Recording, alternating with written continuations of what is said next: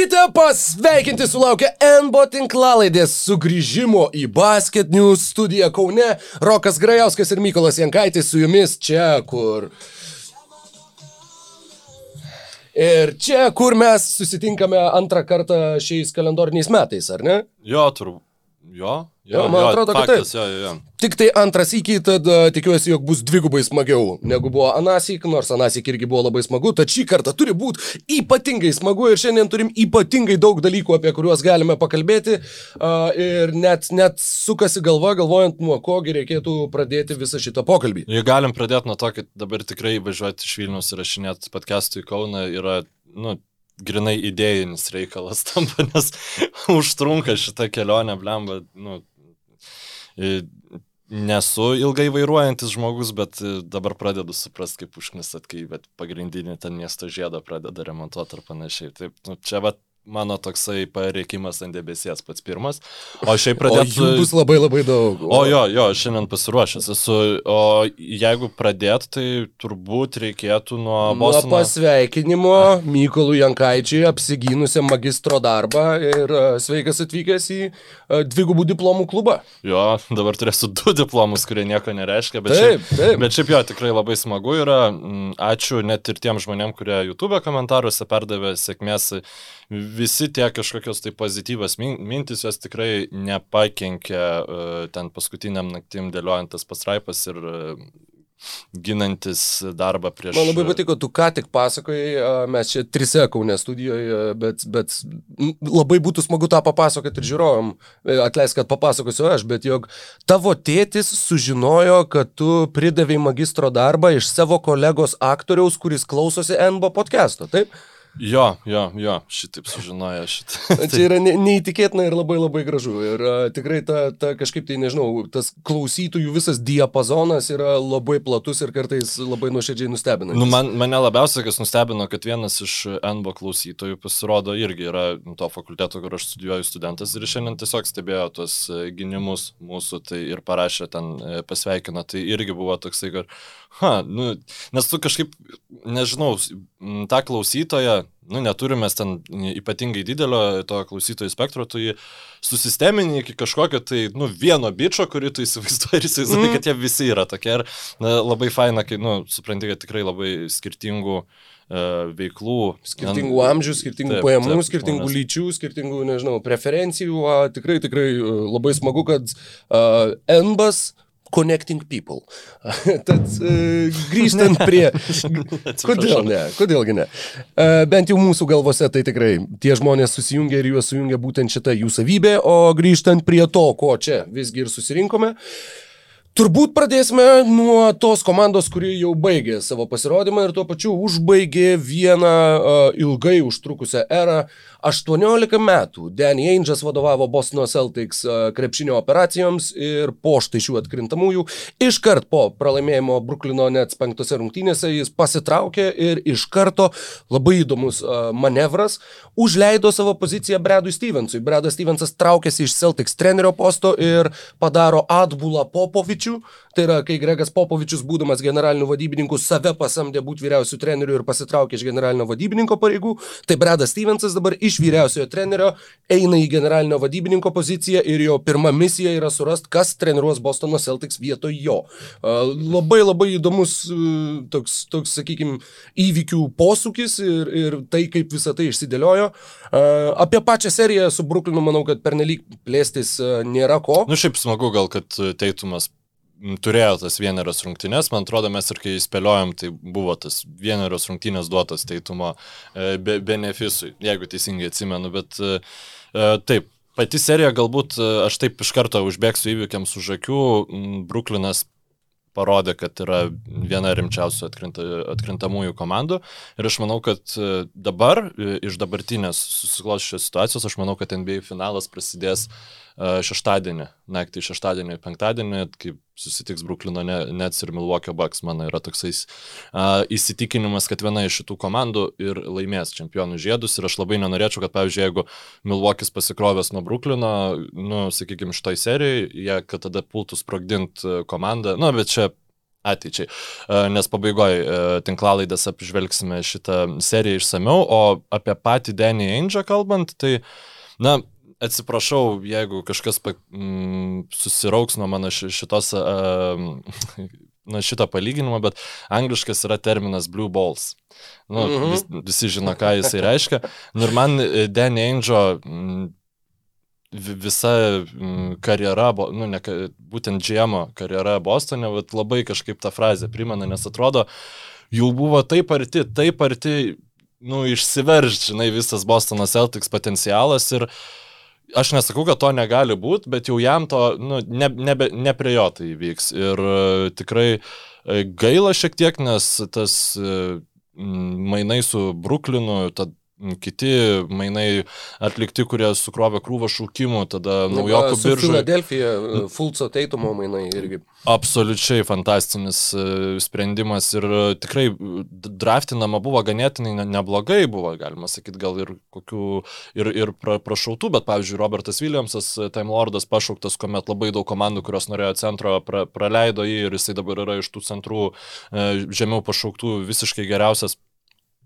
Tai Labai atsiprašau, tai tikrai negalėčiau niekaip vadinti jo nenusisakusiu džiemu, bet atrodo irgi, kad tuo metu, kai reikėjo paspausti e, gaiduką, galbūt kokius, su kokiais mylimais franšizės e, žaidėjais atsisveikinti, to, to padaryta nebuvo nepavyko Kairi Irvingo projektas, čia irgi aišku, ne, nežinau, kiek galima taip tai ant Danny Angel kaltinti ir vietoj Irvingo Kemba Walkeris pašauktas, na vėlgi tos traumas, nežinau, kiek galima ant Danny Angel kaltinti. Bet... Vis viena, tas visas uh, sign and trade uh, Terry Rozier į, į Kemba Walkerį, iš esmės. Uh, dabar, aišku, tai yra jau, kai post factum tu žiūri ir žiūri tas Kemba Walkerio traumas ir galvoji, o tai galbūt reikėjo pasilikti. Bet pernai, pavyzdžiui. Akimirka, jo, mes šnekėjome šnekėjom, kad, kad Šarlotė yra psichai, kad jie tokius pinigus Terry Rozier moka. Taip, tai, taip. O, ir, o dabar... ir pernai per playoffus prieš Toronto Raptors Kemba Walkeris, prieš Kemba Walkerį buvo ginamas taip, kaip buvo ginamas prieš Sefą Curry. 2019 metų finale, tai tikrai nėra. Ir, nu, dar mano žodžiai buvo, aišku, jie dabar retrospektyvai yra, nu, visiškai apgailėtini, bet tuo metu atrodė, kad Bostonas su Kemba Walkeriu sveiku, jiems yra žymiai geriau negu su Kairi Irvingu, kuris, nu, neįsipaišo į tą bendrą komandos braižą. Klausimas dabar yra, jeigu Danny Ainge'as būtų maksimalizavęs tą mainų potencialą ir Kairi Irvingui dar, nu, surizikavęs Anthony Davisą gauti, ar, ar, ar dar kažkokią aukšto profilio žvaigždę, Polas Džordžas buvo visą laiką du kartus netgi prieinamas e, e, jo karjeros metu e, Bostono Celtics. Na, yra kaip yra. Ir, ai, nu ir dar nepamirškim paskutinio sprendimo neišmainyti Haywardo į Milesą Turnerį. Ne tik Gordonas Haywardas, Alas Horfordas, daug žaidėjų, kurie buvo paleisti, tiesiog paleisti, nieko negaunant už juos. Nu, galima sakyti, kad už Haywardą jie gavo mm, Evaną Furniją. Tai kai galėjo gauti Milesą Turnerį. Tai. Taip, taip. E, žmogus, kuri, kuris mm, užsitarnavo tą reputaciją, kuris ir buvo žinomas ir turbūt ir bus žinomas ir vėliau kaip trader Denny, e, Denis mainytojas. E, ir į karjeros, na, sakykime, į būtent šito karjeros etapo Bostone pabaigą, va šitais paskutiniais metais, atrodo, kad kartais taip, kad buvo bijoma rizikuoti ir kažkur tai renkamiesi tokie iš pirmo žvilgsnio saugesni sprendimai, kurie galiausiai, na, kaip tu ir sakei, atrodo, kad jiems pritrūko va tos vienos rizikos, kuri galbūt būtų nepasiteisinus, bet, bet bent jau pabandyti va būtent, ar prie Kairi Irvingo Anthony Davisą gauti, ar, ar kažką, kažką panašaus pakombinuoti, bet uh, yra kaip yra ir labai įdomu, kad Bredas Stevensas e, su teoriškai nuliu patirties e, šiame darbe, tačiau praktiškai, na, jis, kiek teko domėtis, jisai per visas biržas būdavo, na, kartu su tuo, su, žodžiu, komandos sprendimus priimančių štabu ir tuo pačiu apie mainus irgi buvo daug konsultuojamasi su juo. Tad atrodo, kad jisai buvo savotiškai augintas na, galimai tai pozicijai. Daug kas Bostonė stebėjosi, kad ne Maikas Zarenas buvo paskirtas, kuris visą laiką buvo tas antras žmogus po Danny Angel.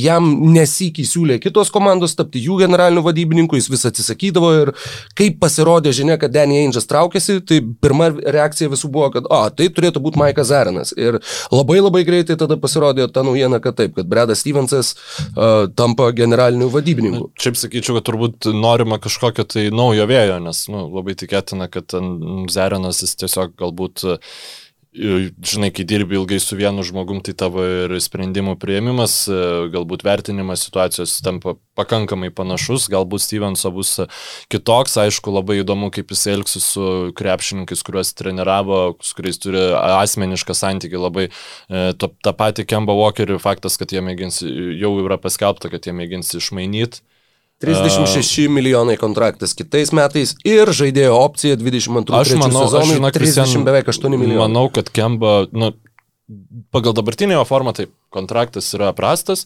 bet tai visiems yra tam tikrų komandų atveju. Nu, pavyzdžiui, jeigu Lakers galėtų m, mm, čia prieisim paskui, bet tarkim, e, pasainint Šriuderį, dar pridėt Montrezą Herelą ir kažkaip ten nugauti už tai Kemba Walkerį, aišku, jie ne, neturi jokių resursų, kuriuos galėtų pridėti, nu, galbūt e, Hortonas Takeris, ne? Tai aš manau, kad Kemba Walkeris tikrai e, potencialo būti bent 90 procentų tokius buvo prieš tai, nu aš norėčiau tikėti, kad turi ir galėtų kažkam pasisekti. Nes, nu, kas galėjo pagalvoti, kad Krisas Polas atšauks savo žaidėjo opciją? Taip, čia, čia buvo viena iš 46, ta prasme, čia yra, e, man atrodo, didžiausias e, lygos istorijoje atmestas player option Manau, kol kas. Nu, aišku, jis bus pamuštas, bet tikisi 100 milijonų vertės kontrakto, jeigu jisai įgaus, tai tas pasakymas uh, years not dollars uh, šituo atveju tikrai, uh, tikrai sužaistų. Ir dollars irgi. Ne, nu taip, bet tu prasme, kad ne, nu kiek tu metų gauni kontraktą, žinai, o ne, o ne kad va čia vieniem metam, paskui jis gali gauti, supranta, kad gali bet kada jo ta trauma būtų paskutinė, žinai. Taip, a, na, prie, prie to manau, kad dar prieisim jo. ir pakalbėsim išsameu. Uh, kalbant apie Celtics, būtent, na, kadangi mes jau atėjom į vasarą ir pagaliau tarp sezonis vėl bus vasara, nebereikės laužyti liežuvio, kad, o, tai vasara buvo, ai, nu ten ne vasara, bet, va, ne, dabar jau bus normaliai, bus vasara. Uh, Bostono Celtics, Evanas Fornė tampa laisvojų agentų, 17 milijonų kontraktas baigęs, uh, Lukas Kornetas ir Šemi Auželiai taip pat tampa laisvaisiais agentais, manau, kad uh, kai kurie Celtics gerbėjai, jeigu jų neliktų komandoje, ne, net nesureaguotų, kad jų neliko komandoje. Markuso Smarto paskutiniai kontrakto metai ir Tristano Thompsono paskutiniai kontrakto kontrakto metai yra kitas sezonas. Braunas ir Teitumas e, turi ilgalaikius kontraktus, bet irgi labai įdomi situacija, būtent ką, ką rinksis Bredas Stevensas, kaip ir aišku, kad tu turėtum aplink tas dvi žvaigždės lipdyti komandą, bet labai įdomu, kaip seksis tą padaryti. Nu, Stevensas teoriškai turėtų žinoti labai tiksliai, ko reikia tai komandai. Aišku, aš esu įstikinęs, kad jisai ta, tuos poreikius buvo išreiškęs ir nemanau, kad, pavyzdžiui, koks Tristanas Thompsonas buvo e, pasirinktas vietoj Danielio Taiso be jo konsultacijos. Tai labai įdomu, kokį jis trenerių pasikvies kol kas patikimų e, šaltinių, nu, realių kandidatų, apart įprastų spekulacijų neteko girdėti, toj netruksim vėl išgirsti, kaip galbūt Jeffas Vangandė arba Markas Jacksonas galėtų treniruoti Bostoną Celtics, bet etatiniai. Visų, visų uh, kažkaip labai daug teko girdėti Atkinsono, pavardė linksniuojama. Uh, na, šiaip nuoširdžiai neįsivaizduoju, bus labai labai įdomu, kur akis, gal kažką iš, pavyzdžiui, koledžo pasiims, nubandys. Kaip pasiėmė tą patį Stevensą, beje. Bet manau, Bet... Kad, manau, kad Bredas Stevensas uh, rinksis kažkokį patikim, na, labiau išbandytą variantą. Jeigu tu atini kaip naujas generalinis vadybininkas ir staiga paėmė naują trenerį, kuris visiškai neturi patirties NBA lygoje, man, man Gerai. atrodo kiek mažiau tikėtina. Norėčiau čia lažintis. Aš manau, kad naujasis treneris e, Bostonas Celtics e, nu gerai, bus pratreniravęs, jeigu ir bus NBA lygiai buvęs vyriausiųjų trenerių, nebus buvęs ilgiau negu penkis sezonus. Matai, penki sezonai yra jau, jau, yra jau, jau pakankamai jau nemažai. Skaičius, ja. Kenny Atkinsonas kiek, ar yra bent jau išdirbęs penkis sezonus pilnai? Galbūt ir ne. Neatsimenu, žinok, nuoširdžiai. Ne, nežinau, aš tiesą pasakius, la, lažybų pasiūlymą atmetu, kadangi jo, ne, ne, nesu garantuotas. Nu, bet aš manau, kad, kad, kad nemanau, kad tai kitaip. bus, žinai, aš dabar nu, ale Tomas Tibodau ar, ar Neitas Macmillanas, kad tai bus tokio kalibro treneriai, žinai. Ne, Aišku, mes, mes, galim, mes galim sulaukti dar atleidimų įvairių, Žodžiu, galim arba šiaip pasitraukimų, galbūt, pavyzdžiui, Lakers sugrius Vogelis tap, taps laisvas ir, ir, ir taip toliau. Nu. Labai mažai tikėtina, bet teoriškai. Beje, e, Celtics patys ir galiai irgi mačiau, kad, na, taip pat diskutuoja, kas, kas galėtų būti, kas gali ateiti. Ir pagal gandus yra toksai gandas, kad Bostono Celtics neva domisi Jasonu Kidu ir visas Bostonas spjaudosi, ta prasme, kai, kas, kas ten vyksta ir kokios reakcijos. Aš, nors čia kaip ir galima šnekėti be cenzūros, bet, bet man tiesiog ne, nesinori cituoti to, ką perskaičiau. Yep. E, dar vienas labai įdomus faktas, į kurį visai ne, nebuvau atkreipęs dėmesio prieš tai. E, Demetrius Jacksonas, kuris žaidė Vilniaus rytę šio mhm. sezono pradžioje kiek mėnesį, pusantro, Bostono Celtics jam dar 2023-2024 metų sezone mokės 93 tūkstančius e, dolerių. Dabar labai juokingai maža suma, tačiau jisai buvo atleistas ir tuo praplėtimu kontrakto, žodžiu, mhm. išdėliota, išdalinta ta suma. Tai tiesiog labai įdomu, kad vat, Demetrius Jacksonas vis dar gauna pinigų iš Bostono Celtics.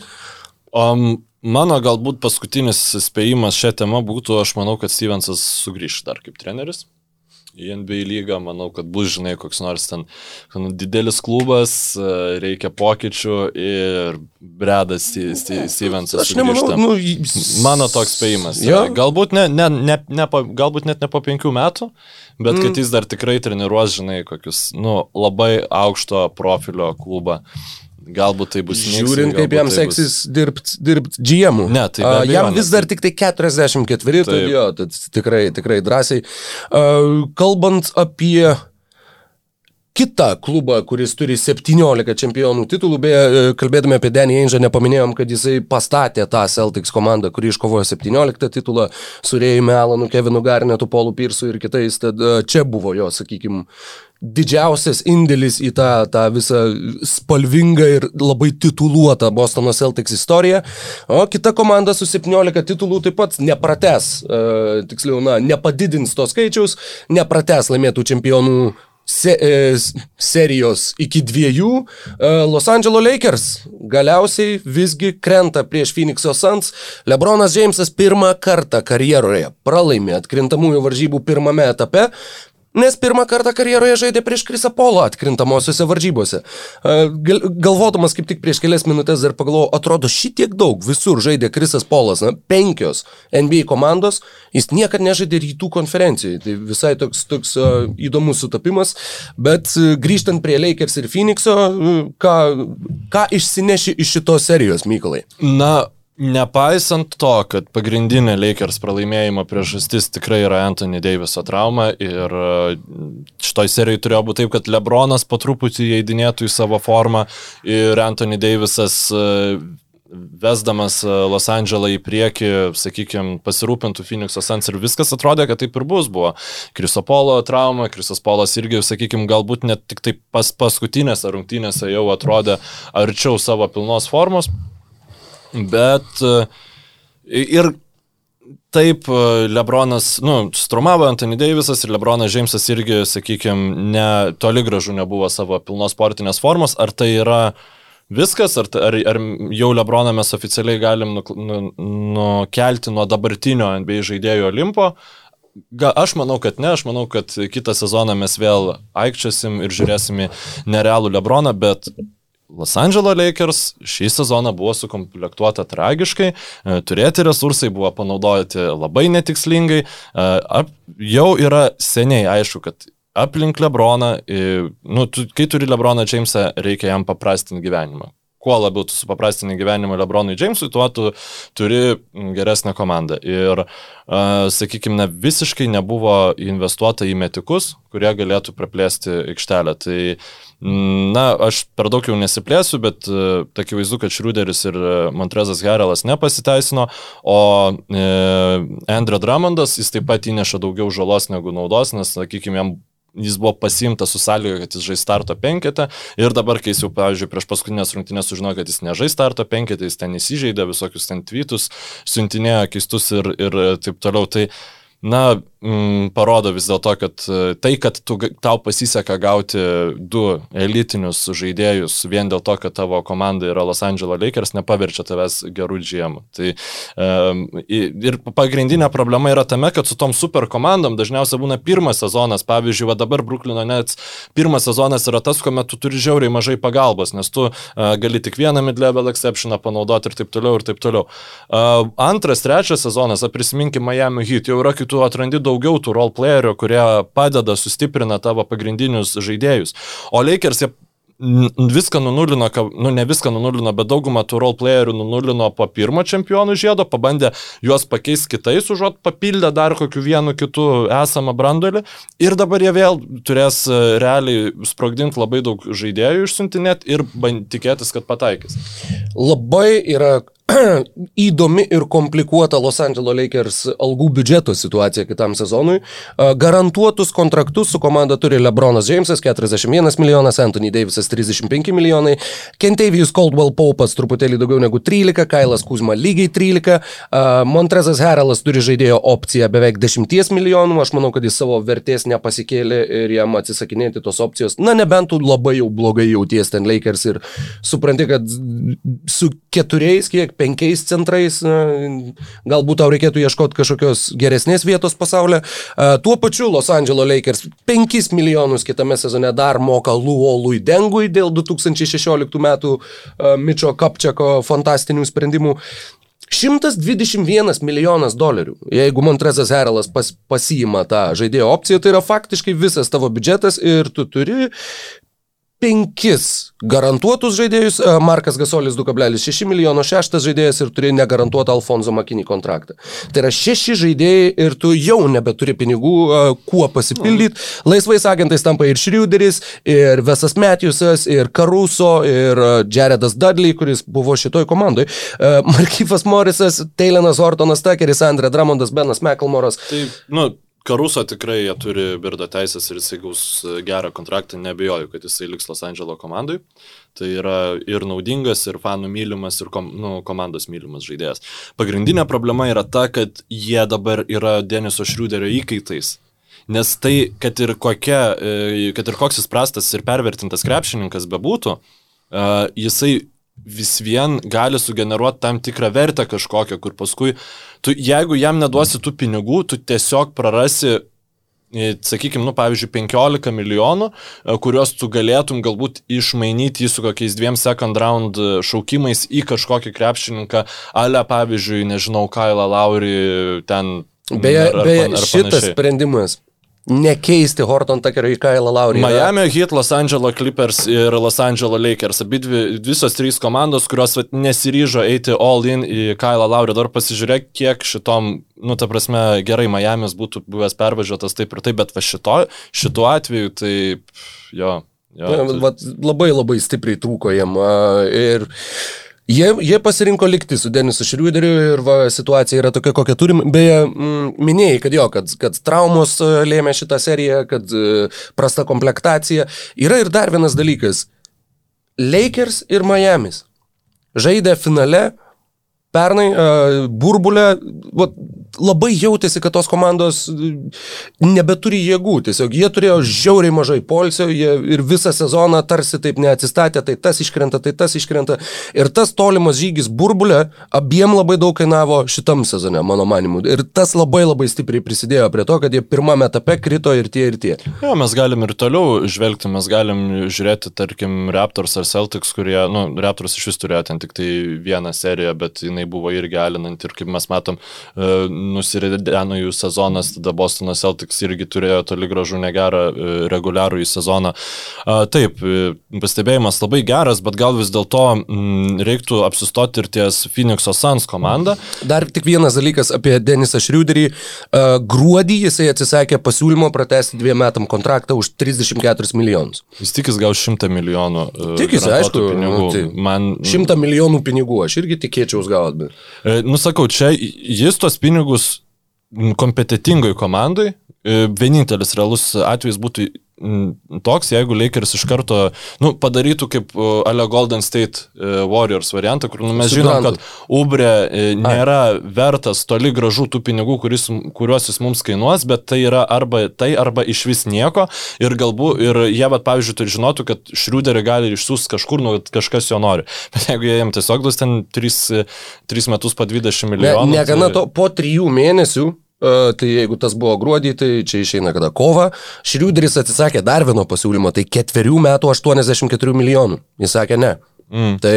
Uh, nu, O dėl ko, nu, galbūt reiktų šiek tiek pašnekėti apie tą jo patį žaidimą. Tai tiesiog pagrindinė Šriuderio problema, kad jis negali patikimai praplėsti aikštės ir nėra, sakykime, jeigu šalia jo nėra gero, gerai perimetrą besiginančio krepšininko, jis irgi tampa, sakykime, tokia e, didesnė, didesnė problema, nu, ką, ką labai sėkmingai Phoenixas ir išnaudojo, turėdami tiek Krisapolo, kuris serijos eigoje įsivažiavo tiek Devina Bukerį, kuris, kurio šiaip karjeros rekordas, jeigu neklystų, buvo 6 tritaškai per rungtynes ir jis dabar tos 6 tritaškus įmetė lemiamos rungtynėse per pirmą kėlinį. Um, apie Bukerį aš kažkaip dar įtariu, kad mes turėsim progos galimybės pa, pašnekėti ekstensyviau, kai kuomet jis kaposis serijai prieš bet ką, kas laimės Nuggets, tiksliau prieš Denverą Nuggets, atsiprašau, bet va, dar yra paskutinis momentas, kur aš noriu užkrauti krauti ant Montrezo Herelo ir Robo palinkos. Labai, labai, ta prasme, kai tu pradėjai šnekėti apie Lakers, aš savo tyliai pagalvojau, hm, nuduodu maks dvi minutės, kol Montrezas Herelas tai gaus kritikos. Mid-level mid exception. Abidvi, šitos abidvi komandos panaudoja mid-level exception, tai yra uh, tam tikra suma pinigų, berots iki 10 milijonų, kurį tu gali panaudoti mm, net ir tada, kai tu jau esi virš mhm. Uh, salary capą, bet nesi pasiekęs hard capą. Tai Viena komanda gavo Montrezą Herelą, kuris žaidė pas lemiamos rungtynėse 7 minutės, kuomet pagrindinių komandos centrų žaidė Markas Gazolis ir Anthony Davisas išsitraumavo po 5 minutės. Um, o Phoenix'o Suns pasėmė Jay Crowderį. Nu, ta prasme, kur wow. Džėjus Crowderis absoliučiai nuostabiai žaidžia šitoj serijai ir jis su Bridgesu atrodo nuostabiai ir uh, Na, jau galima turbūt eiti pabiškai į e, pusfinalio e, previewą. Aš manau, kad e, Phoenix'o Suns susitvarkys su Denverio Nuggets. Tiesiog man atrodo, jeigu taip lyginant, tai yra daugeliu atveju geresnė Blazers versija. Taip, jie, sakykime, neturi Lillardo lygio krepšininko, bet Devinas Bucheris, sakykime, 90 procentų to gali daryti, ką daro Lillardas, jeigu mes nekalbam apie paskutinės jau lemiamas minutės. Krisas Polas yra velniškai geras gynyboje e, perimetre, ko mes ne, neturim apskritai Portlandą ir šiaip e, e, patirtis ir visa kita, aišku, mes nežinom, kaip traumos klostysis, o Jay Crowderis ir Milesas Bridgesas yra tiesiog žymiai geresnės Covingtono ir Anthony, Anthony ar, Normano Pavalo versijos. Taip pat Deandre Eitonas, aš manau, parodė šitoj serijoje, kad jis e, turbūt bus pakankamai solidus, na, niekas negali gerai gintis visiškai prieš Nikolą Jokičių, nur, turbūt geriau už Nurkičių iš vis niekas e, šiemet to nebedarys, bet Deandre Eitonas tikrai nebus tas centras, kur, per kurį Narkičius be jokių problemų vers taškus. Jokiečius be jokių problemų vers taškus. Ir net jeigu taip ir atsitiktų, sakau, Bridžasas su Crowderiu yra e, nuostabus pagalbiniai gynėjai. Tai uh, spėčiau vis dėlto, kad Phoenixas e, šita, šitos pergalės užkurtas turėtų prieš suluošintus Denverio Nuggets na, laimėti uh, na, gal irgi kokių šešių, septynių rungtynių serijų. E, ar turi dar kažką pridėti šitoje serijoje? E, prie tos serijos galiu pridėti tik tai tą, kad tai buvo antras kartas Kriso Polo karjeroje, kai jisai pirmame atkrintamųjų varžybų etape išmeta Nafik čempionus. Tai va, 2015, kai San Antonijos Spars bandė ginti titulą ir šiais metais, kai Lakers bandė ginti titulą, a, tiesiog va, žmogus, kuris mėgsta nukarūnuoti čempionus. Man labai patiko tas paskutinis kadras, kuomet ir šiaip e, Krisas Polas parodė mm, rim, nu, savo charakterį šitose rungtynėse, nes būtent jisai e, kuomet Los Angeles, Phoenix'o Sans labai greitai pabėgo į priekį tose rungtynėse ir e, likus šešiom minutėm Lakers sumažina e, atsilikimą iki dešimties taškų. Ir tada Kristas Polas paėmė reikalus savo rankas, surado ir laisvą Cameroną Peiną ir e, tą patį Cameroną Johnsoną. Cameronas Peinas. Taip, jisai žymiai, jisai žymiai geriau žaidžia negu Denisas Šriuderis. Jo, ir, o serijoj. jis atrodė, jis kaip buvo Oklahoma, jis atrodė visiškas lavonas. Jisai tik tai su Westbrooku šokdavo, kai Westbrookas šokdavo prieš Nu, chemistry daugiau nieko nepadarė. grynai. Jo, Čikagoje irgi jį ten žmonės keikė maišė su žemėm ir tuo pačiu maišė klubo valdybą su žemėm, nes jie pristatė po mainų, kad va, čia mūsų ateities įžaidėjas ir jis, nu, jis buvo siaubingas Čikagoje. Ir dabar jisai žaidžia Phoenix'e, jis jau, pala, man atrodo, ir pernai burbulė. Tai jo, tai mes pernai burbulę, Jo. mes kalbėjom net netruputėlį, jisai buvo, mm, jisai, taigi ta- tada Kriso Polo jo neturėjo, jis buvo pagrindinis Sansų žaidėjas. Ir, na, na su Ne, Bookeriu jie pagrindinis ten- buvo Ricky Rubio. Jo, aš vis pamirštu šitą žaidėją iš visą egzistavimą, bet, nu, ta prasme, jo, jis nu- nu- nuo suolo kildavo ir dažnai uždarinėdavo rungtynes. Tai man labai patinka Phoenix'o Suns, mm, vis vien negaliu žiūrėti šitą komandą ir nevaitot, kad joje nežaidžia Halibartonas ir jie, nu, tas žaisti prieš mm, Nuggets, kuomet tu neturi atsarginio centro, Uh, Portlando Trail, Trailblazers galės papasakoti, tiksliau mes papasakosim, kaip Portlandui sekėsi tą daryti. Ir Tai gal, galbūt pradedam, pradedam tada nuo tų rungtynių legendinių, vienu geriausio turbūt pralaimėjimo pasirodymo atkrintamųjų rungtynių istorijoje. Nemanau, kad istorijoje, žinok. Aš iš karto, kai sakai apie geriausią pasirodymą istorijoje pralaimėjime, tai yra Jerry Westas yra vienintelis žmogus, kuris gavo finalo MVP pralaimėtoj serijoje. Ir, ir tais laikais, kai jie visą laiką atsimuždavo į Celtics, kiekvienais metais finale jis ten traukdavo. Vienas, kuris man yra labiausiai įstrigęs, tai yra, kai Vestas ten irgi pelnė savo, ten nežinau, 40 kažkilintą tašką, per visą aikštę paleisdamas kamolį ir pataikydamas metimą dviejų taškų vertės, kuris išlygino rezultatą, išplėšė pratesimą, po pratesimo ją gavo. Uh, tai, Sounds familiar.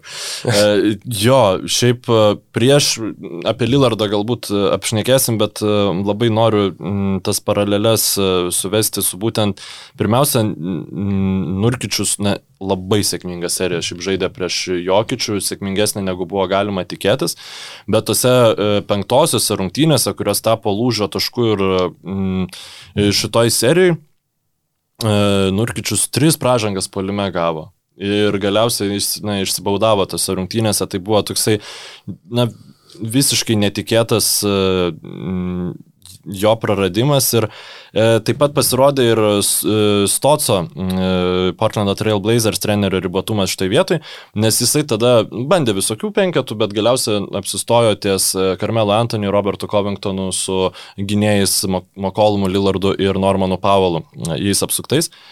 Ir jisai Robertą Covingtoną pastatė ginti Nikola Jokičius, kas mano nuomonė yra absoliučiai e, prastas sprendimas. Dėl ko mes su tavim eilę kartų esam kalbėję ir vis tai yra plačiai žinomas faktas, kad Robertas Covingtonas nėra gerai besiginantis krepšininkas vienas prieš vieną. Jisai Sakykime, yra neblogai, bet jeigu tu jį pasatai prie jokiečius, tu atimi jo stipresnį. Tai va, būtent jisai yra absoliučiai elitinis vienas geriausių mano matytų krepšininkų pag, gynybai, kuomet tu atsitrauki nuo silpnesnio krepšininko, padedi sugrįžti, perimi kamolius ir tose rungtynėse jis ir gražino, Covingtonas gražino Blazerius į rungtynės tą pirmą kartą ketvirtajame kelinėje ir tai buvo ap, na, nesuvokiamas sprendimas pastatyti jį, na šiaip e, kūdą ganėtinai krepšininkai, ginti Nikolo Jokičiaus, kuomet ir atimė jo stipresias savybės. Ir tada, kai jau Covingtonas gavo pražangų tą bedelę, Karmelo Antoni gynėsi prieš Nikolą Jokičių ir jis tai darė geriau negu bet kas kitas Portlando komandai. Nes jisai yra fiziškai tikrai stipresnis už Robertą Covingtoną. Greitai, taip, Karmelo Antoni yra, nu, rimtai jis, sudėtas. Jis, jis, jo, jis turi daugiau masės. Taip, jis, jis turi daugiau pastumti, masės, tai jis sunkiau pastumti ir jis labai sėkmingai atstovėjo prieš Nikolą Jokičių ir, na, atrodo, kad jau tai... Aš tik tai labai atsiprašau, bet vienam sakiniui. Kokia buvo tikimybė, pažiūrėjau, nežinau, prieš, prieš trejata metų arba arba tada, kai Karmelo atsidūrė Oklahomoje ir jie bandė turėti didįjį trejetą, kad kokia buvo tikimybė, kad vat, kas nors būtų pasakęs tau, jog žinai, 2021 metais lygos MVP bus centras ir prieš jį geriausiai gin- ginsis Carmelo Anthony. Bent vienas Geriausiai, e, kai nėra geriausiai besiginančio krepšininko, labai blogą gynybą turinčiai komandai. Nu, bet, bet taip, šiaip e, aš tikrai visi žino, kad aš Karmelo Antony na, ne, nebevertinu jau kaip solidaus krepšininko, bet man e, labai patiko, kaip jisai tvarkėsi su savo užduotimis ir bo- boksautino, viską puikiai darė.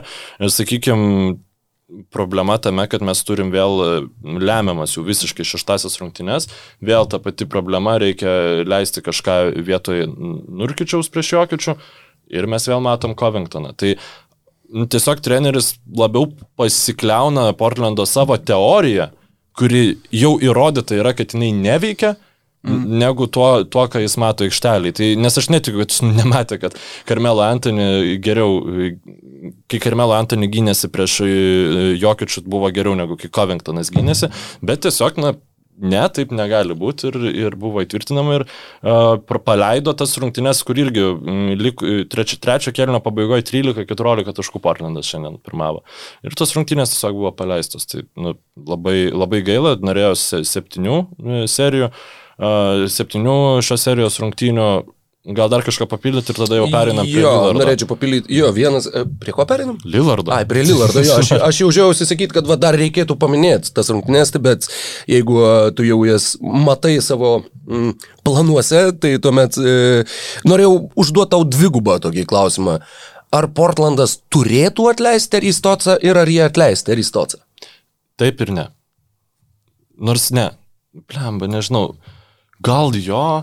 Matai, e, problema yra tame, kad vat, paskutinis pavyzdys, tai e, štai Indianas Pacers, nu jam labai ne, ne, nepasisekė su tuo ir Kriso Finčio eksperimento mes dar nu, nepamatėm tų vaisių e, Min- Mm, ne- Nelabai šiaip žinau, kaip masto, kaip galvoja būtent Portlando mm, vadovybė. Nilas Olšy. Bet kad turėtų atleisti, aš manau, kad na, iš šitos komandos tu, tu ne, nebent jie, nežinau, sako Miami, jūs nenorit mokėti Butleriui, tiek, matai, kad Butleris nori 36 būdamas gauti beveik 60 milijonų pinigų, nu, tokio kontrakto jisai užsiprašė, tai, nu, galbūt Portlandas sako, žinai ką, mes jums, mes jam mokėsim tos pinigus, imkite J. McCollumą, imkite, imkite atsiprašau, šaukimų ir mes nu, tam, kad galbūt pavyktų stebuklą padaryti su Lillardu ir, ir Butleriu, mes pasiryžę esam paukoti ant paskui kelis metus jau,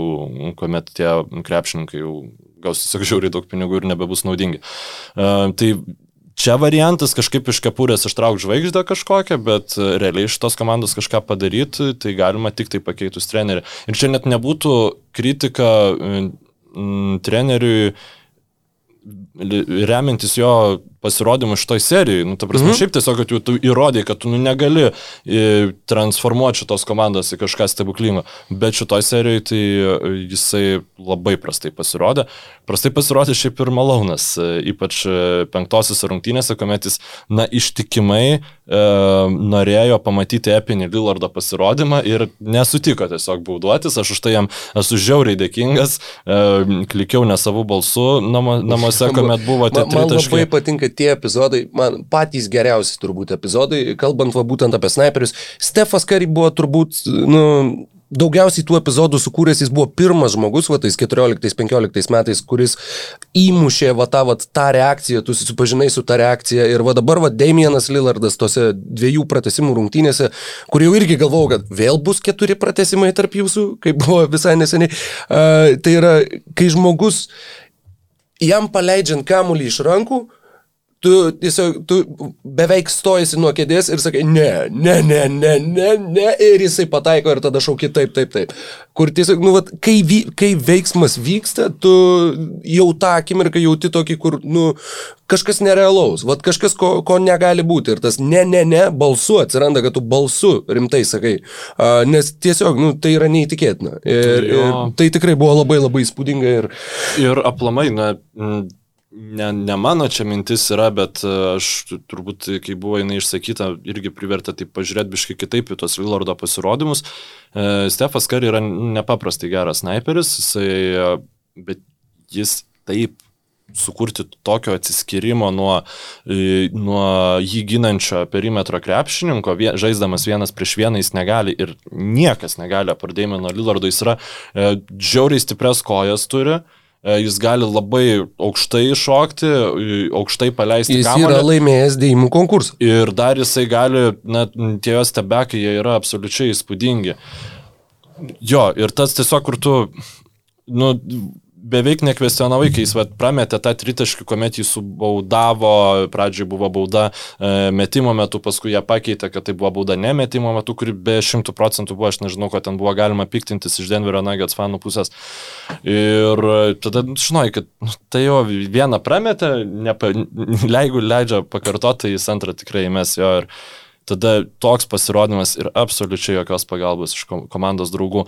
Aš net nežinau, čia jokių būdų aš nenoriu jo kaltinti, bet kuomet viskas yra į tave sudėta, tu pasiemi absoliučiai ten tas dvi paskutinės minutės paskui pratesimo, tie komandos draugai jau jie netgi toks vaizdas, kad Makolumas Antonio nebesitikėjo, kad jie gali kažką padaryti su to kamoliu e, pratesimo metu. Tiesiog mes kaip nors apsiginsim, o tu jau daryk. Dan buvo vienas momentas, kuomet Lillardas prasiveržė, prasiveržė antro pratesimo metu, pelnė du taškus. E, ir e, tada jau matęs, kad jis tikrai yra labai pavargęs, e, man atrodo, Portlandui jau nepavyko apsiginti, Lillardas davė kamolį Antoniu tokioje situacijoje, nu, kur akivaizdžiai, kad duok man pailsėti, aš noriu pabūti mm. be kamolį ir Antoniu iš karto jam, jam atgal, ne, ne, ne, seniai, arba, arba mirštam su tavim, arba aš, aš tikrai neprisimsiu tos atsakomybės. Ir tada net ir visiems lemiamai atakai jisai pasavo Makolumui laisvam, kuris, na, padarė, net nežinau, teko girdėti, kad treneriai kartais sako, jeigu yra tas kamuolys pamušamas perdavimo metu, jeigu jis gali leisti išlėkti už auto, nebandyk sugauti, nes nu, tu nelabai žinai, kur tu save padėsi. Nu, čia vat, buvo tas atvejis, e, kuomet užmynė liniją, tada Covingtono du pra, pramesti, dėj, nepataikyti dėjimai. E, tiesiog tikrai buvo aibė gerų situacijų, e, kuriamis nepasinaudojo Lillardo komandos draugai ir šitas herojiškas pasirodymas, na, iš tikrųjų bus Dėja, highlightų lyga. Na, tikrai, tikrai galvau, nu, jeigu tas rungtynės laimės Portlandas, tai laimės ir serija, bet po tų rungtynių aš tai šiaip net stebės, kad jie taip jo, gerai tas šeštas rungtynės pradėjo. Jo, tos rungtynės, va būtent, kur, uh, kaip buvo ir su keturių pratesimų rungtynėm, ar ne? Ar jas, man atrodo, Denveris ir laimėjo, nors dabar galvoju, Rodney Hoodas tenai buvo herojus. Ne, Rodney Hoodas, jisai išleido, vis visi buvo pavargę. Ir, ir vienintelį skaitimą padarė, kai Rodney mm. Hoodas šviežias išėjo ir jis ten tada jos patempė. Normaliai. Jo. Galbūt ir dabar būtų tą padaręs Rodney Hoodas, bet... Bet dėja, dėja. Po šio sezono Portlando laisvais agentais tampa Zekas Collinsas, Enesas Kanteris, Carmelo Anthony ir Harry Gilesas ir Rondai Hollis Jeffersonas, kuris taip pat buvo šitoje komandoje. Vienas dalykas, e, galbūt kažkada nors mano svajonė yra ten padaryti specialią tinklalaidą, kuomet, e, na, galbūt pasikvietus svečių mes kalbėtumėm apie Eurolygos krepšininkus, kurie galėtų žaisti NBA ir NBA krepšininkus, kurie tiktų Eurolygai. tai mano nuomonė, turint omeny, kad Randy Hollis Jeffersonui dėl labai sunku tam pagauti garantuotą kontraktą NBA lygai, Man tai atrodo, tai būtų nuostabus e, centras Kailo Heinzo atitikmuo būtent Eurolygoje. Jeigu, nu, sakykime, taip jis to metimo neturi, bet e, gynybinis potencialas jo yra milžiniškas. Tai man atrodo, kad jo, įdomu, aš, kaip aš, toliau seksis. Aš manau, kad jis ir... Visai pritarčiau šitai minčiai. Ir tuo pačiu uh, Jusufas Nurkičius turi negarantuotą 12 milijonų kontraktą, kurį manau, kad Portlandas tikrai garantuos. Ir Normanas Pauelas turi žaidėjo opciją 11,6 milijonų, jeigu jeigu jisai atsisako tos opcijos, Portlandui irgi labai labai sunku, sunku komplektuotis. Be tų 11 milijonų jie jau turi 120 milijonų, kurie yra mm, iškalti akmenyje ir rasti kažkokių tai papildomų irgi papildymų reikės ieškoti tik tai paraštėse ir tavo faktiškai tas branduolys, tai yra Lillardas, McCollumas, Covingtonas, Nurkičius, e, Derekas Jonesas jaunesnysis, bei Anthony Simonsas, Nasiras Litlas vis dar su, su naujokų kontraktais. Na, akivaizdu, kad jie bandys Normaną Pavalą išlaikyti savo komandai, nes vėl čia yra ta situacija, kur tu arba išlaikai žaidėją, arba prarandi e, mm, tiesiog, tiesiog ne, ne, neturi kuo jo pakeisti. Jo, jo. jo tai mm, Na, man atrodo, kad jie tikrai bandys iškeisti Makolumą. Aš nenustepčiau, jeigu Makolumas būtų iškyčiamas, sakykime, porą gerų, vad kokio J. Crowderio lygio krepšininkų. Mm -hmm. Jeigu kažkas sutiktų, aš dabar konkretaus pasiūlymo nesugalvoju, nu, bet ten nežinau, kokie ten Nu, bet su- su- supratom, ką turėjom omeny, galvoti. Jo, nu, galvoju, gal Bet taip ten- tiesiog padalinti tą 30 milijonų Makolumo kontraktą į į du mažesnius 15, kontraktus, jo, jo, kurie... kurie nu, mhm. Bet e, manau, kad tai kuo toliau, tuo labiau nerealistiškai atrodo. O dar vienas variantas yra Elas Horfordas, kuris e, kitais metais jo kontraktas baiginėjasi. Ir galbūt pavyktų jam suderinti, kad jis būtų išpirktas ir pasimti Alą Horfordą mm, pas save.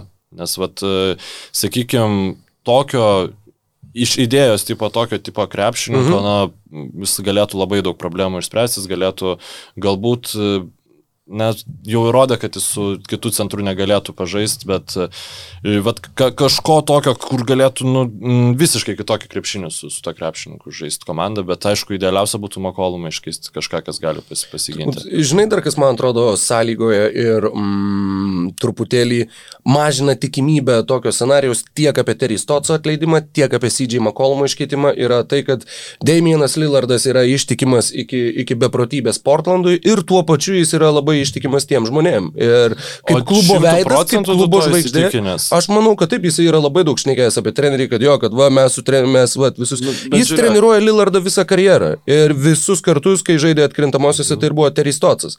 Ir tuo pačiu Lillardas visada šneka, kad mes susydžiai, va, aš susydžiai, mes susydžiai, va, dar laimėsim, mes susydžiai padarysim. Ir, Kailas Lauri. ir Damaras Darozanas. Draugai su Damaru mm. Darozanu, beprotiška pagarba dviejų keisi. Argumentą prasme, aš, matai- jeigu jie CJ McCollumą iškeistų į Zaką Laviną, nu tai jo, tada, tada žin, taip, sutinku, bet jeigu jie sugebėtų gauti kažką wow ir Daiminas Lillardas suprastų, kad aš dėka šitų pokyčių galiu su šita savo mylima komanda, e, kuriai aš atidaviau nu, geriausius savo karjeros metus, laimėti realiai žiedus, aš manau, kad jis būtų Olin. Nes e, matėm daug atvejų, kuomet e, tie lojalūs krepšininkai na galiausiai jos užknisa, neturėt jokių absoliučiai perspektyvų laimėti ir jie tiesiog mums pasako sorry. Jo, ir... Labai įdomu, Lillardas ir Bradley Bylas dabar yra turbūt du ryškiausi tokie mm, žaidėjai, kur vat, yra žvaigždės, kurios lieka toj komandoje nepaisant visko ir vat, kad ne, aš čia esu, aš čia ir padarysiu ir, ir ant šitos kalvos aš ir mirsiu. Žiūrėk, kaip sako anglakalbiai. jeigu Lillardą e, šitą Makolumą į bylą iškeistų Wizards. Nu, toks Vi- Wizards tai... Visiškai į prasmės, žinai, iškino toks, taip. Ne, nu tai žinai, ten šaukimai ir taip toliau. Paskutinė gyva serija. Taip, vienintelė serija, kuri vis dar tęsiasi šito pokalbio metu.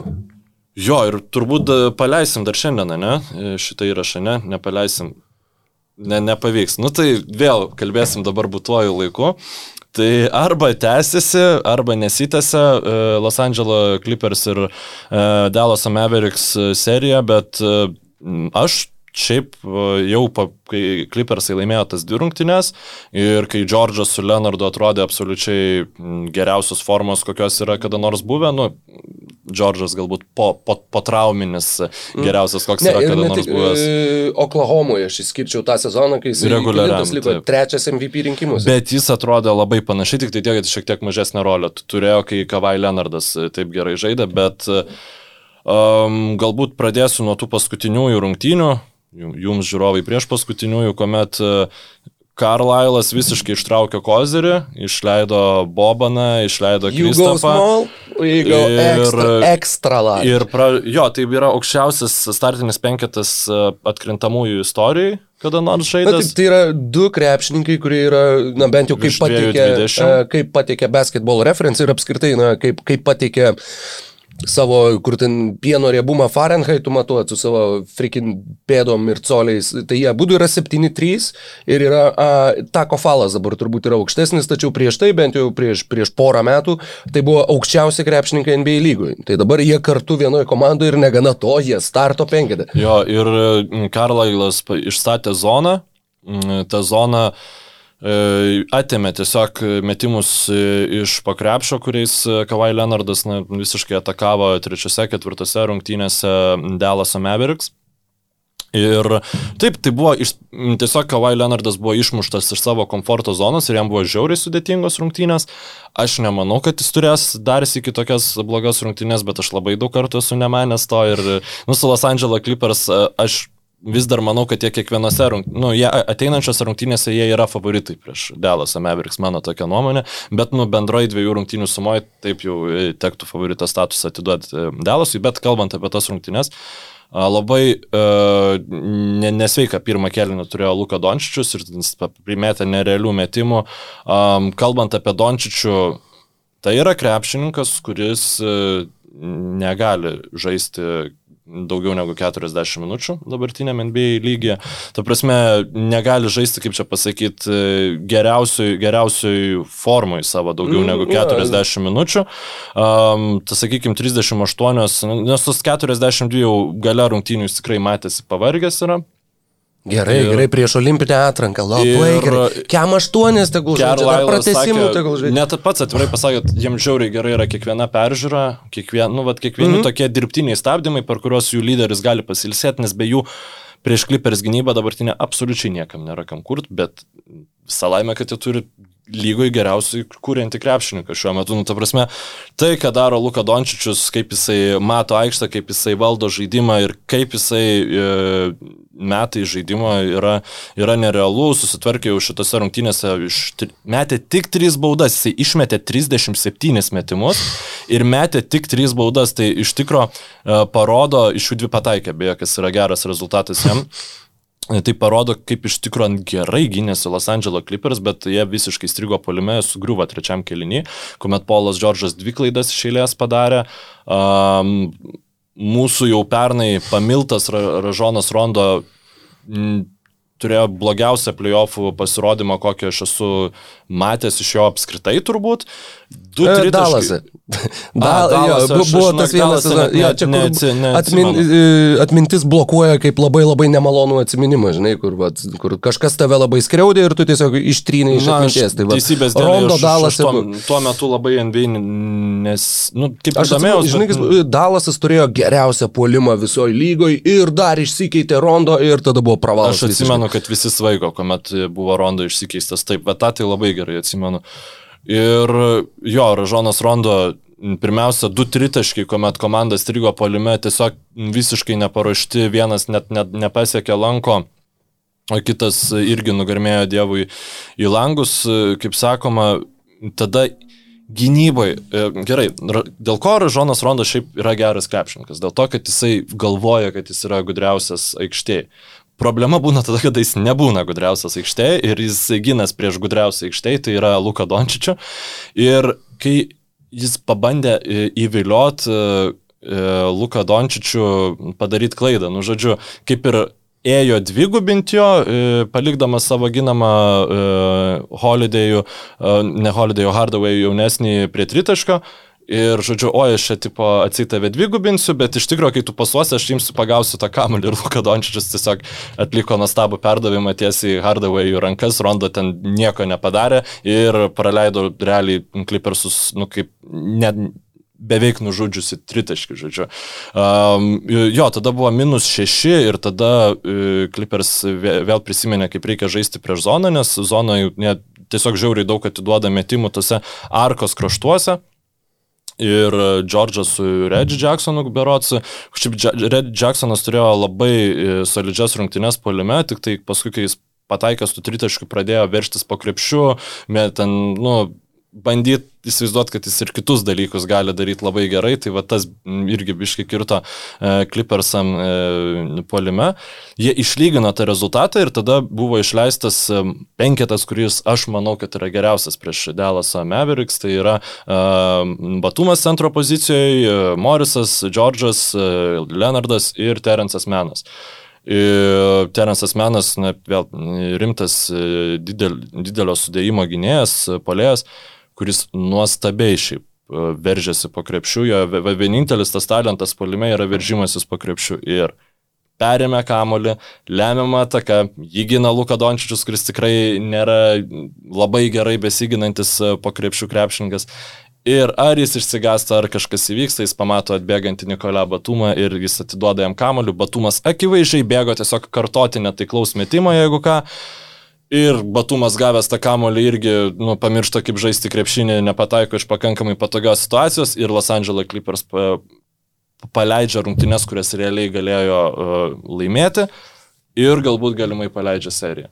Dabar mm, labai atsiprašau dėl savo ilgos rungtynių analizės, bet iš karto noriu pereiti prie E, ateinančių rungtynių, kurias jūs žiūrovai žiūrėjote, jeigu vėl e, Tyronas Lulu aikštai vienu metu laiko Ražoną Rondo ir Terence Meną, krepšininkus, kurie yra perimetro krepšininkai ir kurie nepataiko iš tolio būdų, tai nu, šitas treneris nenusipelnė treniruoti NBA klubo niekada daugiau gyvenime. Uh, ne, ne, nesuprantamas tikrai sprendimas buvo, bet šiaip kai kiti Tyrono Lų mm, sprendimai man buvo pakankamai logiški ir aš manau, kad vis dėlto zona, pirmiausia, ką jinai daro, jinai išmuša tave iš vėžio. Ir tas vėžes Clippersam nelabai pavyko sugrįžti, bet aš manau, jie labai aiškiai išsigrynins, e, kaip išvesti Paulą Džordžą, kaip išvesti e, Reggie Jacksoną ties tų e, tomis laisvomis zonomis tritaškų, kurias palieka šitą Delaso Mavericks gynybą. Ir manau, kad to tikisi Rikas Karlailas ir bus labai įdomu šiandien stebėti, kaip į kokių sprendimų paruošęs Karlailas yra šitom rungtynėm. Nes jeigu Karlailas ateis ir tikėsis tiesiog, kad veiks vėl tas pats, tai aš manau, kad jie tas rungtynės pralaimės pakankamai solidžiai. Tai va, toks būtų mano... Pa pralaimėti solidžiai, labai gerai skamba. Tas, ne... Toksai būtų mano m, mm, tokie įspūdžiai apie šias uh, rungtynės. Labai jėga, labai labai. Uh, šansas Yra, ar jau gal netgi ir pasitvirtino, jog Dalasas atsikeršė kliperiam.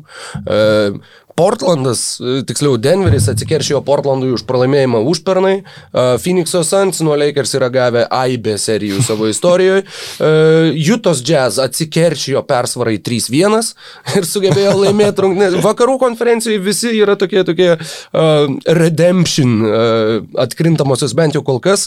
Jeigu Dalasas uh, laimėjo, sakykime, prieš Clipperius, tuomet mes turim konferencijų pusfinalius Juta prieš Dalasą, Denveris prieš Phoenixą mes turėsim finale iš vakarų komandą, kurios mes nesitikėjom pamatyti finale. Ir Taip. apskritai šitos atkrintamosios palyginus su, su pastaraisiais e, penkiais, penkeriais metais, yra intrigos atžvilgių, yra tiesiog fantastiškas. Šiuo metu, pažiūrėjau, aš nuoširdžiai nežinau, kas taps čempionais. Kas NBA pastaraisiais metais, būtent su o. Warriors, su Durantu arba su uh, Lebronu ir Anthony Davisu burbulė irgi atrodė, kad, na, Lakers tikrai, tikrai turėtų laimėti.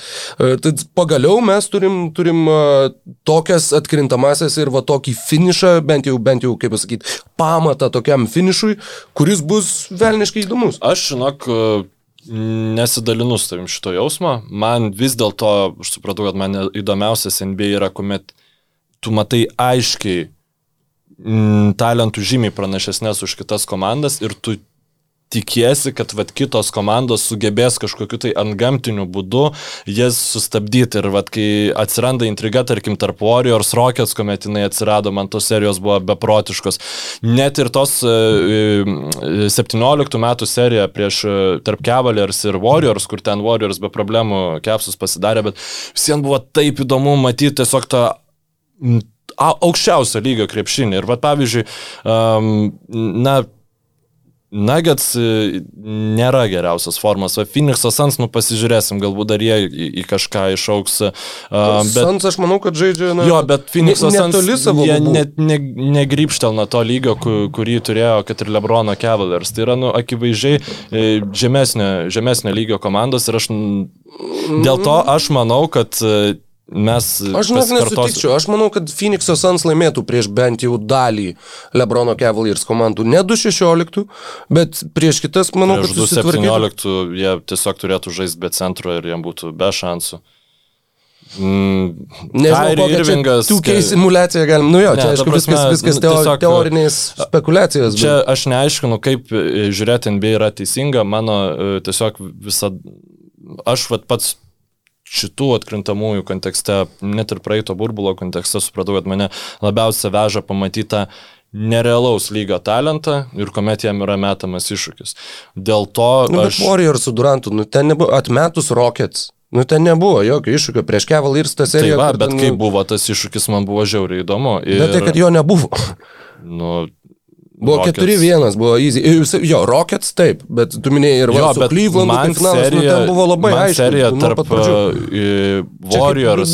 Žalgiris prieš rytą, žinai, kur ne- neva yra Ne, intriga, bet nu, tai gerai, ar tu žiūrėtum Žalgirį prieš rytą, kur Žalgiris laimė 4-1 finalo seriją, ar tu žiūrėtum pasvalį prieš Šiaulius, kur žaidžia iki, iki penkių pergalių? Man, žinok, būtų įdomiau, jeigu, tarkim, yra, kad būtų septynerios rungtynės. Ne, va, va, aš, aš, aš tiesiog kitaip. Mat, jo, kitaip mūsų, mūsų čia išsiskiria, jo.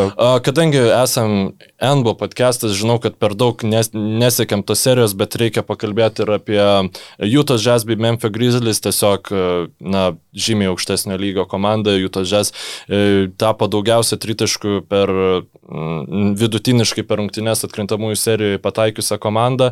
Atsiprašau, jeigu šito, šito fakto netikrinau, bet man atrodo, kad tai yra tiesa ir bent jau žiūrint, kiek tritaškai išmeta, tai irgi yra tiesa. Memphis Grizzlies viskas tvarkoja, jauna komanda, tiesiog, na, tai yra visiškai pirma e, vieta prieš devintą.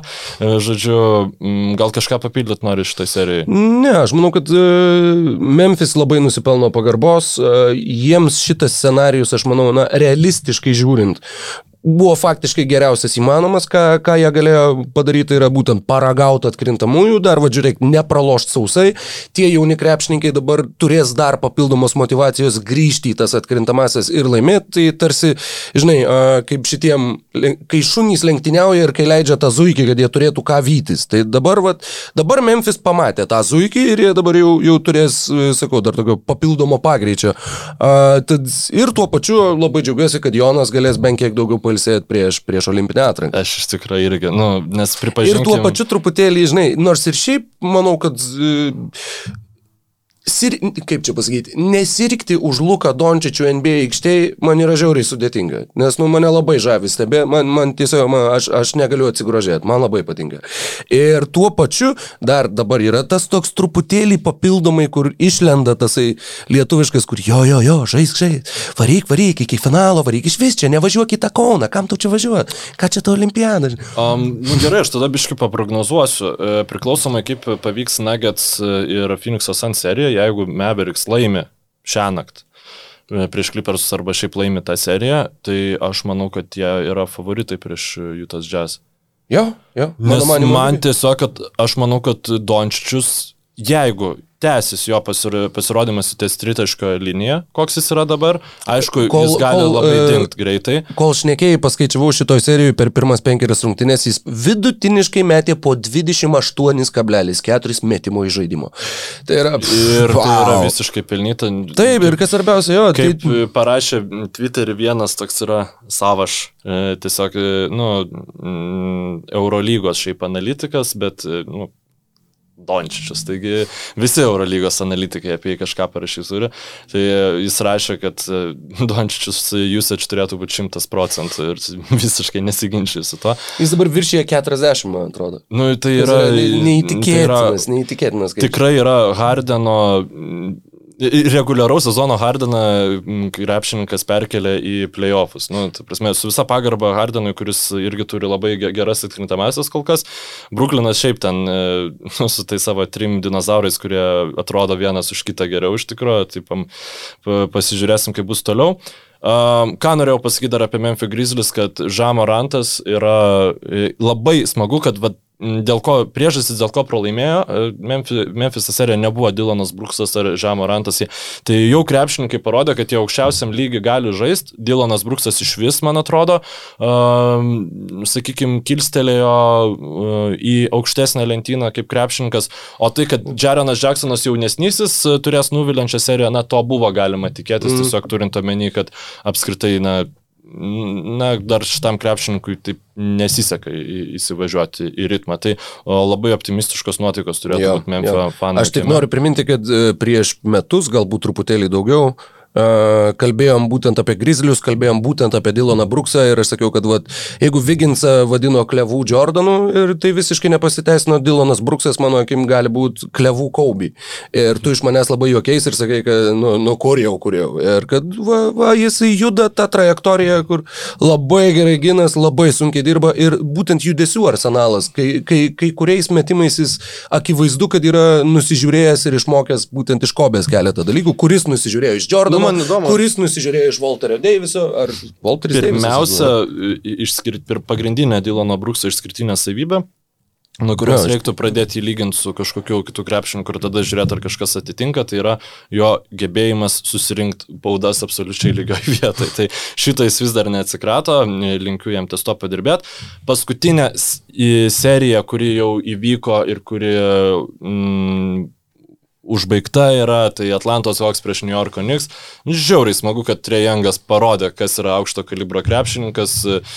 E, pastatė New Yorko franšizę į vietą, suprato, kad e, na, tai, kad sužaidi gerą reguliarų sezoną, nereiškia, kad tavo franšizė yra viskas jau labai gerai. Geriau negu buvo prieš tai, bet vis dar yra labai daug ties, ties kuo dirbti ir Juliusas Randlas negali būti pagrindinis lyderis šitos komandos, tai yra akivaizdu, o Trejangas tikrai gali būti pagrindinis lyderis. Klintas Kapela sužaidė nuostabią seriją, Galinaris su Bogdanovičium pakaitomis turėjo gerų rungtynių. Ir turint omeny, kad uh, Joelis Embidas turi įplyšusi meniską, aš manau, kad Atlanta gali kokias dvi rungtynės atsikasti toje serijoje. Aišku, tai yra visiškai skirtingo profilio komanda, bet Blemba, žinok, nuoširdžiai pasakysiu, man baisu yra, kad Joelis Embidas po šito sezono jeigu jis dabar žais, nepaisant tos traumas, mes pamatysim Blake'o Griffino lygio transformaciją jo ateinančiais sezonais. Aš, aš jeigu galėčiau rinktis, aš no- norėčiau, kad Žaelis Ambidas, na gerai, tebūnė, vėl tau bus klijuojama ten etiketė, kad jisai ne, nežaistų daugiau šitose atkrintamosiose. Nes, nu, me, me, šiek tiek įplyšęs meniskas nu, ir day to day. Nu, kaip, kaip taip gali būti? Nu, man visiškai primena va, tą Blake'ą Griffiną, kuris čia, "Oi, čia su trauma žaisiu, nes turėjau gerą sezoną labai. Nu, ką, nu, Nu, bet Filadelfija labai... e, Nu, jie labai daug vilčių deda dabar- šį sezoną. Jo, tai... šiaip jie yra, uh, velnės, kaip yra ta angliška frazė, netgi angliškai dabar nepasakyčiau, bet kur yra atsidūrę labai siauroje vietoje tarp dviejų labai didelių akmenų. Uh, between, uh, nu, ta, E, ta, be- Between a Rock and a hard hammer. place. Jo, jo, va, va būtent. Uh, tad, jo, nes tu, jeigu tu leisi ambidą, tai tu rizikuoji žiauriai. Nu, tavo, tavo pagrindinis, pagrindinis krepšininkas, kur nebejotinai, nu, tu be ambido, tu nebūtum nei likęs pirmas rytuose reguliariam sezone, nei, nei apskritai. Deiviso lygio nuostolis. Nu, Jo, prasme, ir tuo pačiu, nusakau, jeigu tu jo neleisi, tai tu kaip ir kap, potencialiai kapituliuoji šitoj serijoje, kadangi be embido aš manau, kad jiem, nu, jiem būtų labai labai labai sunku. Ne- Nematyčiau jų favoritais prieš Atlantą, jeigu embidas nežaidžia šitoj serijoje. Bet jeigu tu jį leidi, tai jo, tu rizikuoji ilgalaikę jo sveikatą ir, ir nu, sakau, nei, nei į kairę, nei į dešinę ir labai, labai šlikšti situacija, labai gaila Joelio Embido ir Filadelfijos.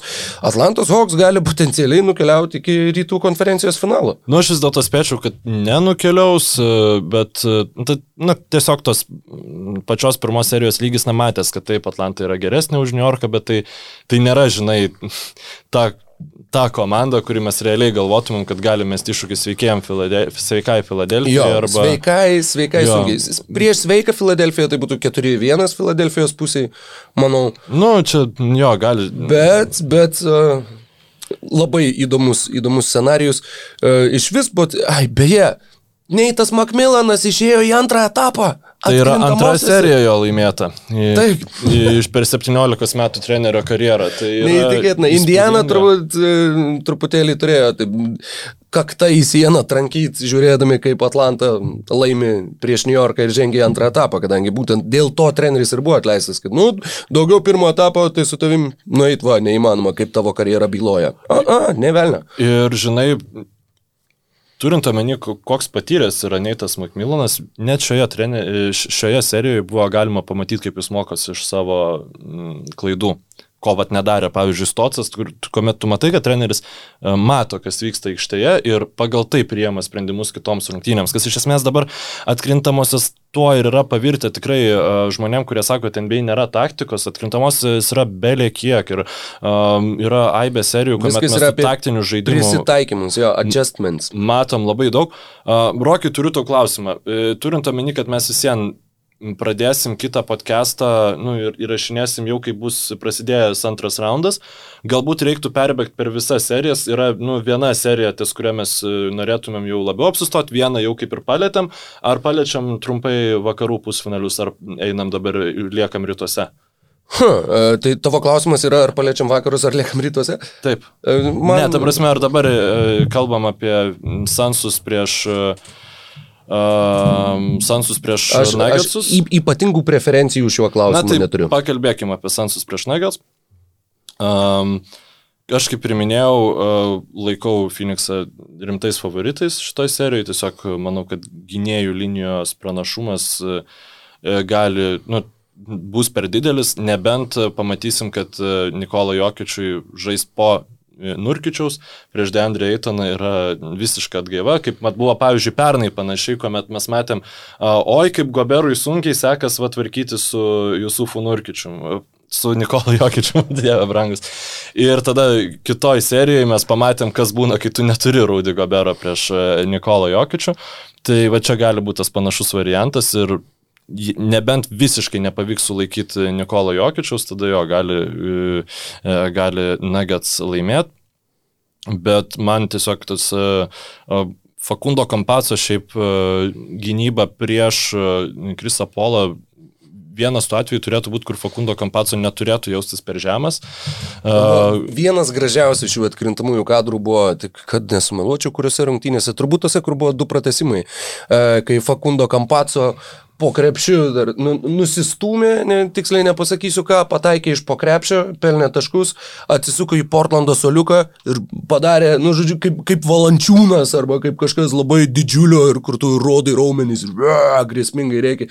Tai kai faku fleksino, tai buvo labai gražus kadras, juo labiau, kad tai buvo, kaip vėliau paaiškėjo, jo vieninteliai taškai tose rungtynėse. Žiauriai gražus kadras. Blemba, žinok, aš pasakiau, kad laisvai laimės Sansai, aš dabar galvoju ir galvoju. Ne, aš manau, kad čia bus ilga serija. Manau, prasme, kad Denveris, čia... jie tiesiog yra septynių rungtynių komanda. jie negali pabaigti playoffų be, se, be septynių rungtynių serijos, tai Jo, žinok, supratau, kad vis dėlto norėjau sakyti, kad vat, bus labai sunku gintis ten prieš Krisą Polą ir panašiai, bet Fakundo Kampaco yra, turint omeny, kad Krisas Polas vėlgi, jis nėra šimtų procentų sveikas, jis galės labai išvarginti. Ir Ostinas Riversas yra tokio tipo krepšininkas, kuriam prieš bukerį gintis e, vėlgi turėtų būti pakankamai rimtas iššūkis be abejonės, bet įveikiamas. Na, kaip įveikiamas. Na, jis tiesiog gali, prasme, jis gali būti nesigins pa, pakankamai... Labai blogiau negu, pavyzdžiui, ten Caldwell Paupas ar kas mm -hmm. nors panašaus. Man ką tik tai atėjo nušvietimas. Tik tai dabar, aš ką tik suvokiau, kad ta mano svajonė Ir mano prognozija, kad Nikola Jokičius taps MVP, bet atkrintamosiuose gaus nuo Luka Dončičiaus, jį dar gali įvykti. Man tik tai dabar, tik tai dabar te, te sušilo smegenys. Nes Wizards prieš Brooklyną net jau dėja nebegali. Nebuvo, įvykti. nu bet Wizards buvo atkrintamųjų komanda. O, o čia, jo, būtų baisiai įdomu. Vakarų konferencijos finalas, kuriame didžiausios žvaigždės yra europiečiai. Wow. O apie Sans e, ir Nuggets turi dar kažkokių minčių? Pff, aš kaip ir sakiau, manau, kad tai bus ilga serija. Ir šiaip tai taip, Phoenixas yra favoritai. Aš sakyčiau, dėčiau 4-3 Phoenixas šitoj serijoje, uh, jeigu, jeigu jau taip kaip čia pasakyti, jeigu klausi mano realios nuomonės, tačiau mano širdis sirgs už Denverį šitoje serijoje ir lygiai taip pat kaip sirgs už Dalasą kitoje serijoje. Ir, ir jeigu jie ten bus, žinoma, galbūt, galbūt e, jie nusileis Los Angeles Clippers, bet Denveris Phoenixas bus tikrai labai įdomi serija. Turiu omeny iš tos pusės, kad tai yra dvi komandos, kurios žaidžia su labai gerai mąstančiais aikštėje, sakykime, generolais. Tai tas Kriso Polo ir Nikola Jokičiaus, žinoma, netiesioginė dvikova, bet būtent vat, jų diktuojamo žaidimo bus, bus labai labai įdomu pamatyti. Dar vieną dalyką noriu tik tai greitai patikrinti, ar aš iš tiesų esu Ar darau teisingą prielaidą ar ne? Ne, yra žaidę 82 ir 83 yra žaidę Nuggets ir Suns playoffuose, maniau, kad galbūt jie iš vis niekada nėra uh, susikirtę, bet štai jie žaidžia po, kiek čia dabar išeis, 38 metų pertraukos. Jo, um, man dar va, tas dėl ko aš, sakykime, šiek tiek didesnį tą pranašumą duodu Phoenixui, tai yra Michaelas Porteris jaunesnysis ir tiesiog Bridgesas ir Jay Crowderis yra, na, ženkliai stipresni, stipresni oponentai gynyboje negu tai, ką jis, prieš ką jis žaidė Portlandą ir, na, turint omeny, kad tai yra jaunas krepšininkas, gali jam ir nepavykti susidoroti su tuo, o jo indėlis pelnant taškus yra, na, gyvybiškai svarbus. Jo, tai, jo. Uh, tai va, turbūt. Šita detalė jo labai įdomi, kad tikrai Phoenixas turi būdų, jeigu ir neturi būdų, na, tokių šimtaprocentinių būdų sustabdyti jokičių, tai bent jau antrą pavojingiausią ginklą jie tikrai gali smarkiai apgadinti, kalbant būtent iš jų pusės žiūrint. Um, kalbant tada apie potencialią kitą pusfinalio seriją vakaruose. Gal nešnekėkime apie tai, kas yra potencialu. Bet Nes... tai tiesiog e, labai gaila, nes, na, kaip ir sakėm, kad e, Dalasas jo m, turi daugiau turbūt, nu, tikriausiai laimėtų prieš šitą, ne? Jo, aš manau, kad taip. Ir manau, kad Clippers irgi tikriausiai laimėtų prieš šitą. Nu, va- jų tai yra tokia mažiausiai grėsminga pirma vieta vakarų konferencijoje, kiek aš atsimenu. Kad būtų, o jie liko pirmi vakaruos ir kur jie bežaisų. Nu, prieš Memphį nesakėm, kad jie nebus favoritai. Jie ir buvo favoritai. Bet dabar, uh, jeigu jie nueis toli, sveikinu šaunuoliai. Bet man sakyčiau- atrodo, kad Ju- Juta pusfinalyje praloš. Ar prieš Clipperius, ar prieš Mavericks. Jų kelionė va, va, va ir baigs. Nu, man atrodo, Clippersam būtų žiauriai sunku prieš šitą. Tiesiog e, būtent e, dėl Rudy Gobero lankų saugojimo, mm -hmm. nes kuomet komanda, matom, kai komanda atima lanką, Clippersam yra labai sunku. O Dalasui taip, viena vertus, ką darys Rudy Goberas prieš Luka Dončičiaus e, ten pick and popus, pick and rollus, nes e, ką gali padaryti Dalasas, jie gali žaisti su Maxi Kleberu kaip centru ir ten Parzingio ar Marianovičius iš vis neleisti, gali žaisti su Parzingiu, kuris nors ir nu, labai kritikuojamas yra, bet ką jisai turi, tai jisai vis dar pakankamai solidžiai saugo lanką ir gali pataikyti iš toli. Taip pat Dvaitas Pavolas atsigauna, ką, ką yra labai smagu matyti, nors prieš Jūtą galbūt jis nebūtų labai e, produktyvus ir naudingas, bet kas gintų gynėjus, e, Konlį su Donovanu Mitchellu pas Mitchellu. Čia yra... Mm, Jo, Na, ta, ne, taip, okei, okay, Richardsonas ir Finis Smithas jaunesnysis. Na, mm, taip, sakykime, tai būtų, bet tada jau ir prieš Bogdanovičių reiktų Dončičių gintis. Nu, būtų visai, Mm. visai įdomu. Bet jo, mm, sakykime, jeigu laimės Dalasas, tai e, e, prieš Clippersus, tai jie tada turėtų laimėti ir prieš Jūtą, o jeigu laimės Clippersai prieš Dalasą, tai tada reiks daryti ekstra podcastą, nes bus tiesiog turbūt dvi beprotiškos rungtynės, nu kažkas beprotiško turės bū- būti įvykę. Ir kaip ir aš sakiau, tau Rokai važiuodamas, būsimas NBA finalas. Taip. Uh, laukia tu, tu, mūsų... tu sakei ne tik man, tu ir šito epizodo. podcast'ui. Jo, nu, pradžioje sakei. Jo, tai mm, Bruklino... Sultingiausia serija šiais metais. Ir tikrai va ta, kurios, kurios nuoširdžiai laukiu labiausiai ir ta, kur uh, norėsis net plėšti akių ir nepraleis nieko toj serijoje. Milvokis prieš Brukliną yra tikrai um, labai teisingai tą pavadinai, gali būti, kad tai yra realus NBA finalas. Jo, kuri komanda be išeis toliau, jinai bus favoritė iš kovo džėdus. Uh, ir bus, na, net nežinau, tiek, tiek bus įsielektrinęs oras, jau vien įsijungus tas pirmasias serijos rungtynės ir kažką tai prognozuoti, na taip pat, aš labai noriu ilgos serijos ir tai yra viena iš tų serijų, kur tu taip jos laukiai, kad tau net kažkaip blaiviai apmastyti ir įvertinti ir pasverti visus už ir prieš ir galvoti, kas čia kaip čia laimės. Duok dievę septynerias rungtynės. Uh, Game 7, va tokioj serijoje su šitiek žvaigždžių ir su šitiek, su šitiek uh, parako, su šitiek ginklų būtų iš vis epiška ir, ir istorinis mūšis. Uh, bet kaip, kaip tau, ką, ką tu norėtum pabrėžti prie šitos serijos Aš pradžią? noriu, noriu pabrėžti, kad uh, trūks dviejų krepšininkų šitoje serijoje, tai yra Jeffas Greenas ir Dante DiVincenzo. Ir jeigu jūs ten kvatojatės ir sako, a, čiagi jie turi taip pat Durantą, Hardaną ir Irvingą, kam jiem tas Greenas, ir čia jie turi Janį, mm, Holiday ir Middletoną, kam jiem tas Dante DiVincenzo, tai yra dvi komandos su nepaprastai trumpa rotacija ir tiek Jeffas Greenas. Jeffas Greenas apskritai tai buvo, sakykime, na, vienintelė opcija uh, Brooklynui neleisti prieš Milwaukee Deandre Jordano, Claxtono ar Blake'o Griffino vidurio polėjo pozicijoje, uh, o tiesiog jį statyti centru, taip iš, iš, išprovokuojant, uh, išplečiant aikštę prieš Bruką Lopezą, žodžiu, ir, ir panašiai, ir panašiai. O Dante DiVincenzo, aš manau, jis būtų gynęs tikriausiai Kairį Irvingą, dabar e, vėl Na, jeigu Brianą Forbesą, kuris labai sėkmingai, Brina. Forbesą, kuris labai sėkmingai pakeitė uh, Dante Divincenzo serijoje prieš Bostoną Celtics, jie išleistų, tai, nu, Kairi Irvingas ir Hardanas įmedžios, bet jis žais. Ne, jis žais, jis turės žais. Tai aš manau, kad mes matysim Lopezą Takerį, Antetokumpą Middletoną ir Holiday. Holiday'ų. Tai bus turbūt geriausia visų laikų gynybinis starto penketas. Nu, per kiek aš atsimenu, tiesiog visi krepšininkai bet, mm, beprotišką potencialą turi. Nei Durantas, nei, ha, nei Hardanas, nei Kairi jau nebėra tie krepšininkai, kurie labai aukštą tempą inicijuotų, todėl Takeriui, sakykime, aš nemanau, kad bus kažkokių didelių problemų, tai vis dėlto yra krepšininkas vis dar puikiai valdantis savo koją, kojas ir gynybai atstovintis labai solidžiai, bet tiesiog vien, kad jau tų krepšininkų trūksta, man yra liūdna, nes nepamatysim to tikro no, potencialo. Bet matai, čia taip net savotiškai apsilygina. Jeigu tik tai vieno kažkurio iš jo nebūtų, tai tada būtų kur, a, nu, va, ta komanda, va, jinai a, nukenčia ir va, nėra, sakykime, maksimalaus savo pajėgumo, bet jie būtų, sakyčiau, kad net yra savotiškai panašios vertės e, komandose, va, būtent dėl tų gynybinių pasirinkimų taip, ir būtent taip. dėl savo gynybinio labiau, a, gynybinės funkcijos Europos aikštėje, nes taškus kam pelnyti ir nu, be jų yra ir pas vienus jie, ir kitus daugiau negu už. Jie abu buvo, mano nuomonė, penkti, e, krep, penkti geriausi krepšininkai geriausiuose tų komandų penketose. Mano, jo, mano tokia nuomonė tai yra. Šitas koks geras iš tikrųjų. Šitas, this should be a thing. Penktas geriausias krepšininkas geriausiam uh, komandos penketuke.